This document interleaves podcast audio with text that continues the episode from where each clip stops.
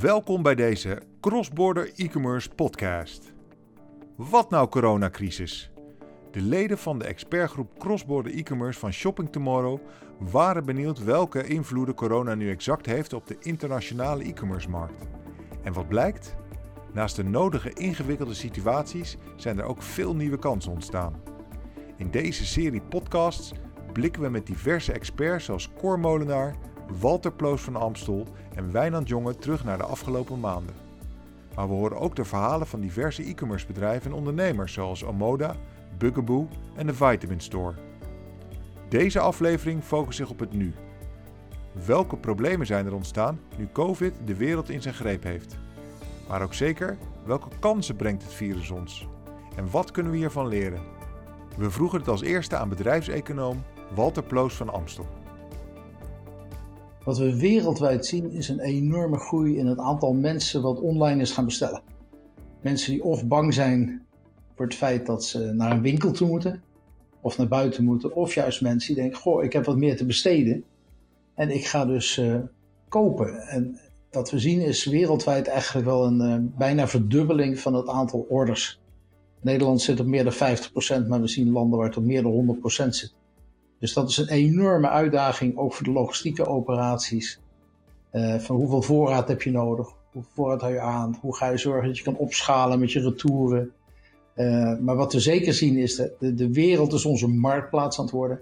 Is dat dit grote uitdaging betekent, met name voor cross-border.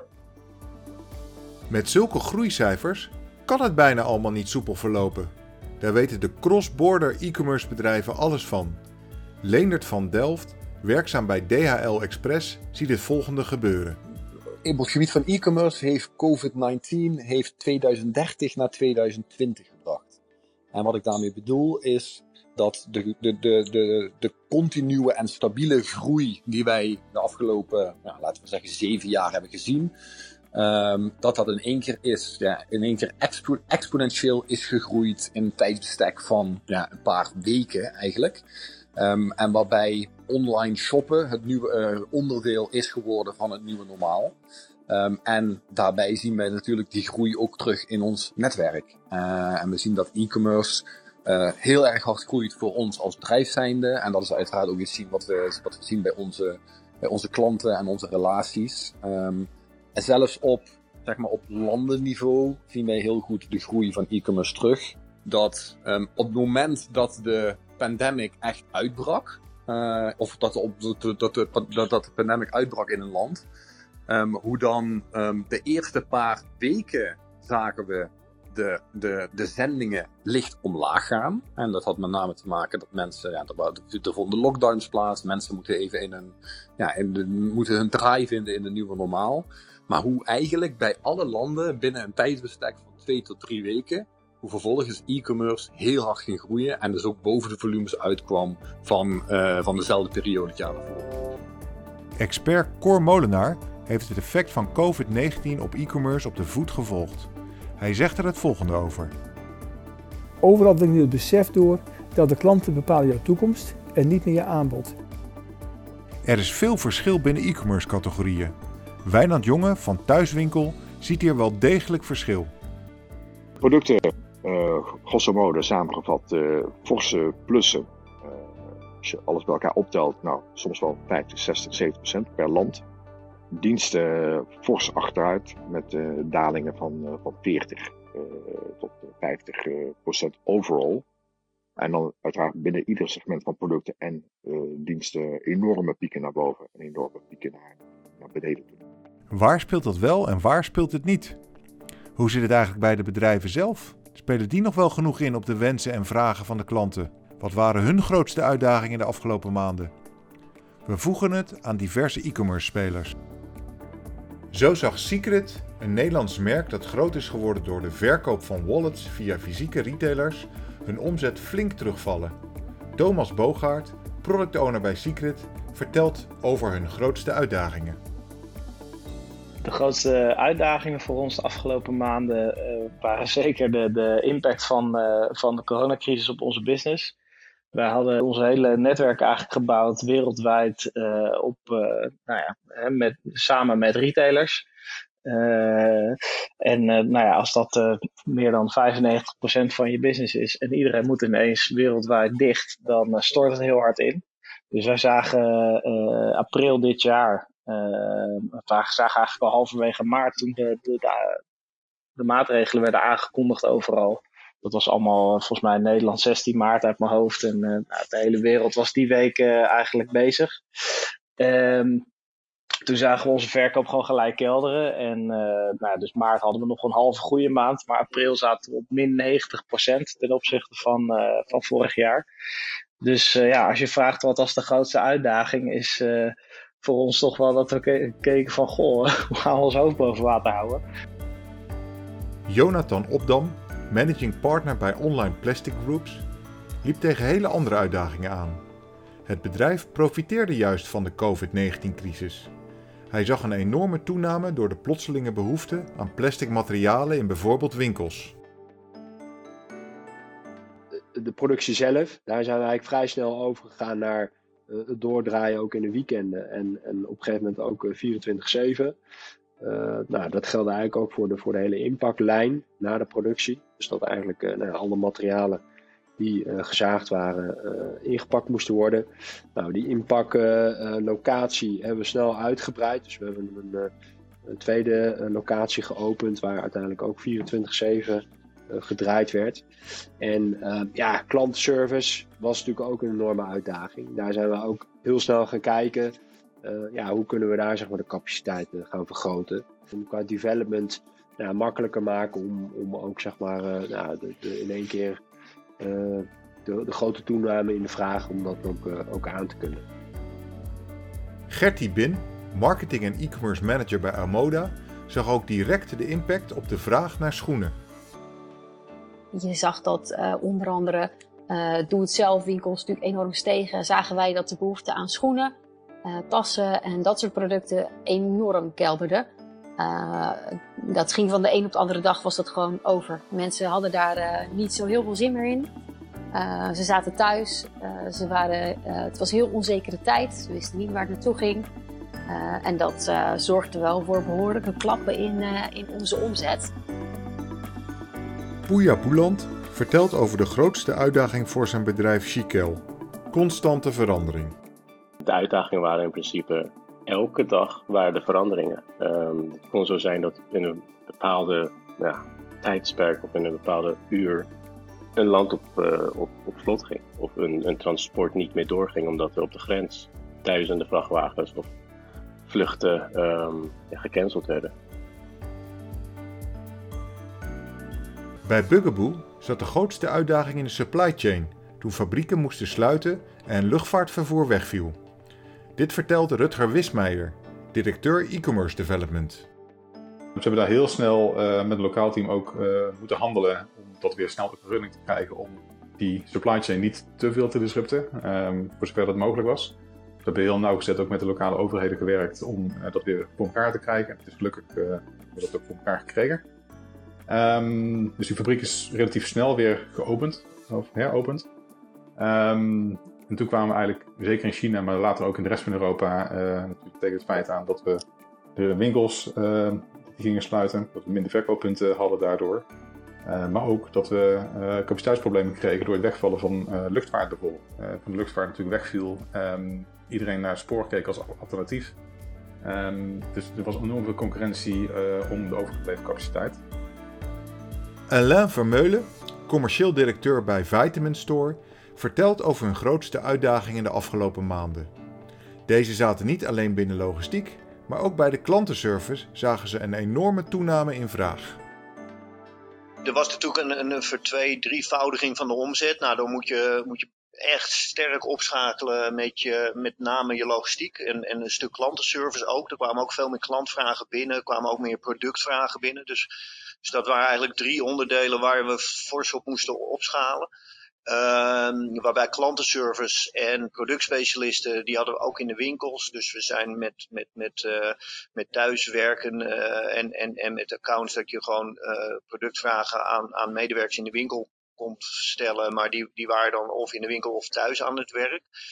dat was goed te spreiden. logistiek was de grootste uitdaging, omdat je ja, door de COVID-maatregelen kon je eigenlijk minder mensen op je werkvloer hebben in, in een magazijn. vanwege de looppaden, de breedtes daarvan, nou ja, anderhalf meter afstand. En ehm, ja, dat, dat, dat, dat maakte wel dat we uh, de, de, ploegen echt uit elkaar moesten halen. Bijvoorbeeld een, een, een, we zijn gaan werken met twee ploegen, een ochtendploeg tot uh, twee uur, uur, of drie uur en een avondploeg die dan om drie uur begon tot, tot tien of elf uur. Om um, ja, ook een soort risicospreiding. Er, er kwamen allerlei uh, ja, nieuwe dimensies bij het inrichten van, van je magazijnploeg.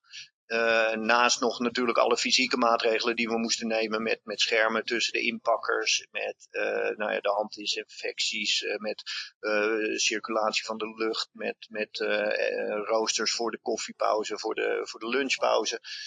En het dus, dus veel, voller maken van je avondploeg en, en daarmee ook het risico spreiden van de, van de beide van de ploeg. Dat er, dat er als er iets zou ontstaan of, of een corona-infectie zou zijn, dat je dan niet je hele ploeg eh, naar huis moet.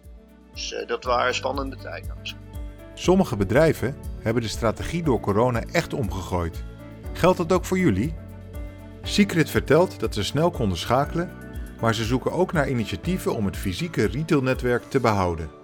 En dus intern hebben, hebben, zijn we een klein beetje afgeslankt. Uh, maar strategisch zijn we natuurlijk ook wel uh, meer richting de consument gaan kijken. Wat iedereen natuurlijk uh, nu aan het doen is. Um, en daar waren we gelukkig ook al stappen in aan het zetten. Dus we konden eigenlijk begin, begin halverwege april konden we al vier nieuwe landen op de webshop aansluiten. En, nou goed, we zijn heel veel initiatieven aan het starten om te kijken hoe we de traffic naar onze eigen shop kunnen verhogen. En dan op een manier dat het niet nou ja, schadelijk is voor ons bestaande niet-retailnetwerk. Want we willen ze niet die laatste natrap geven, zeg maar. Die hebben het natuurlijk allemaal nog zwaarder gehad. Dus we proberen dat een beetje te doen in een win-win situatie. Dat, dat is wel een, een uitdaging voor de komende tijd. Ja. Omoda was noodgedwongen om hun kortingsstrategie aan te passen door corona. Wij hebben toch al heel erg begin april besloten om uh, te testen met een kortingsactie op een specifieke productsoort. Uh, iets wat dus helemaal niet bij ons past. Nou, dat sloeg wel zeker aan. Uh, waardoor we daarna besloten, oké, nou dan gaan we gewoon korting geven op alles. En dat hebben we eigenlijk het hele seizoen gedaan. wat natuurlijk super zonde is. En ook eigenlijk, ja, voor je naam niet het meest fantastische. Want ja, dat doe je natuurlijk eigenlijk niet. En je wil ook niet te koop lopen als een bedrijf wat altijd maar korting geeft. Maar nou, wij kwamen daar gewoon ook echt niet onderuit. Bukkeboe zette een team op om snel te kunnen inspelen op de constant veranderende informatie. En ook maakten ze gebruik van wat ze al hadden geleerd in China. Nou, het belangrijkste is eigenlijk om, het, uh, om een team te formeren uh, wat heel dicht op uh, de informatie zit en ook heel dicht op de disciplines die, die, belangrijk zijn. Dus supply chain zit daarbij, uiteraard ook sales, um, een aantal andere disciplines daaromheen. Om um, die disruptie in die supply chain zo goed mogelijk te kunnen tackelen en uh, zo goed mogelijk kunnen anticiperen op de laatste informatie. En die informatie, zeker in het begin, die veranderde uh, dagdagelijks. Um, dus daar zijn we heel nauwgezet mee bezig geweest om dat zo goed mogelijk voor elkaar te krijgen. Um, en wat ons voordeel ook wel enigszins was, zeker aan de verkoopkant, was dat in China behoorlijk wat ervaring al hadden opgedaan met ja, de winkels die fysiek sloten, die online open bleven. Um, een aantal initiatieven die we uh, daarin getest hebben, met online verkoop, met toevoegen van nieuwe functionaliteiten, virtual demo's bijvoorbeeld, die we ook heel snel kunnen, konden implementeren in de Europese en Amerikaanse markt. Um, en daar hebben we ook heel veel profijt van. Welke verschillen tussen diverse landen zie je wanneer je kijkt naar het gedrag van de consument. Thomas van Secret zegt het volgende hierover. Consumentengedrag in de verschillende landen, uh, op het moment dat we dat kopen. Dus we hadden ongeveer een uh, ja, min 40% in bezoekers, maar plus, uh, plus 40, 50% in conversie. En dat maakte het, maakte het dan wel weer goed, zeg maar. Fashionspeler Chiquel zag verschillen tussen landen door het ingrijpen van de overheid. Zweden, Noorwegen, Finland ging gewoon door. Er was niet echt een paniek. Maar in Nederland en Duitsland was er toch wel, uh, er was wel even een stop. En ik denk dat het voornamelijk te maken heeft met hoe de overheid uh, ermee omging. Maar Omoda zag eigenlijk geen verschillen, zo vertelt Gertie Bin. Ja, ik moet zeggen dat wij niet super veel onderscheid zagen in uh, consumentengedrag. Uh, je zag eigenlijk direct dat het in alle landen uh, terugliep, zeg maar, zodra de hele zodra corona in Europa arriveerde. Dat zagen we eigenlijk overal. en we zagen eigenlijk ook overal dat zodra we korting gingen geven, dat het weer aantrok. Rutger van Buggeboe zag dat het verschil tussen de landen met name werd gedreven door de digitale volwassenheid in die landen. Het grootste verschil zat natuurlijk in de mate van lockdown. En um, daar eigenlijk in het verlengde daarvan ook uh, de maturity van het digitale kanaal. Als je kijkt naar Italië bijvoorbeeld, uh, is nog vrij, zeker in ons kanalen, in ons segment, uh, nog, nog, vrij beperkt in het om, omarmen van online. Um, dus daar zag ik die shift ook wat minder groot als bijvoorbeeld in Engeland of, of in Duitsland. Of ook in Nederland overigens. Um, dus die lokale verschillen die waren er altijd al. Um, en, en, zeker de laatste tijd zie je wel een versnelling ook in landen die wat minder digitaal mature waren. Maar je ziet dus ook meteen een effect op, zeker in ons geval, het merendeel, pak een beetje driekwart of iets meer nog zelfs van onze sales is nog altijd offline. Of was nog altijd offline. De impact van het dichtgaan van de winkels was enorm natuurlijk. En we zagen een hele mooie stijging en een hele scherpe stijging in het online kanaal. Maar dat was belangrijk niet genoeg om dat te kunnen compenseren.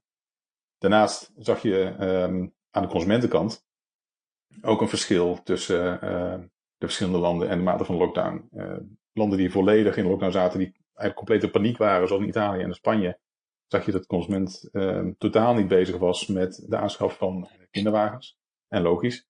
Um, dus die, die vraag viel daar compleet weg, ook online. Um, terwijl een land als Zweden, wat wat meer open bleef natuurlijk, zag je wel een knik, maar bleef relatief stabiel. Um, en om daarop in te spelen, en zeker met dat team wat ik net aangaf, ja, die, die informatie dagelijks uh, up-to-date houden en, en, en die beslissingen daarop afstemmen, was wel cruciaal in de eerste weken, eerste maand van, uh, van de crisis. En er ontstonden ook verschillen in stijging van de vraag per land, zoals bij Vitamin Store. Vanuit Duitsland kwam uh, op een bepaald moment heel veel vraag naar vitamine C producten. Kennelijk omdat daar toch ook uh, een bepaald tekort ontstond in, uh, in, in maart en april. Um, ja, dat, dat, dat zie je dan ontstaan. En, en, en in, vanuit Frankrijk hadden we ook bepaalde vraag naar, naar een bepaald supplement, kerkjerstine. Uh, ja, dat, dat was daar dan in de media geweest dat dat ook uh, eventueel iets uh, voor, voor COVID zou kunnen doen of ter preventie. Dus dan, dan zie je dat ze, ja, in Frankrijk rijdt het helemaal uitverkocht en dan, dan kijk, kijken ze toch ook in, op buitenlandse webshops. En dan zie je een, een enorme piek in die vraag. Uh, ja, maar dat is ook heel tijdelijk. Maar dat, uh, dat, dat zijn een beetje de effecten die we vanuit onze, onze, uh, van het buitenland hebben gezien op de vraag en de verkoop. Deze podcast wordt u mede mogelijk gemaakt door Potenza Media. Videoboodschappen door de gehele customer journey. Bent u geïnteresseerd in een samenwerking? Bezoek dan potenzamedia.nl. Dankjewel voor het luisteren naar deze podcast. In deze aflevering hebben we je de interviews laten horen met experts en ondernemers over de huidige situatie met betrekking tot corona en cross-border e-commerce. COVID-19 heeft wereldwijd geleid tot een enorme groei in online winkelen. De omzet vanuit verkoop van niet-primaire levensbehoeften via fysieke winkels ging grotendeels onderuit. De logistieke operatie rond COVID-19 bleek voor veel bedrijven een grote uitdaging. We hoorden dat hoe strenger de lokale lockdown werd ingezet, hoe meer impact er was op zowel de online als de offline omzet. Veel bedrijven focusten op online verkoopstrategieën om de omzetdorving zoveel mogelijk te beperken. Binnenkort kun je luisteren naar een nieuwe aflevering in deze serie, namelijk de toekomst. Wat zijn de veranderingen die corona versneld heeft of juist vertraagd? Welke veranderingen zullen blijvend zijn en hoe moeten we hierop inspelen? Alle diepte-interviews met de ondernemers kun je luisteren op www.ecommerce-podcast.nl. Tot de volgende aflevering.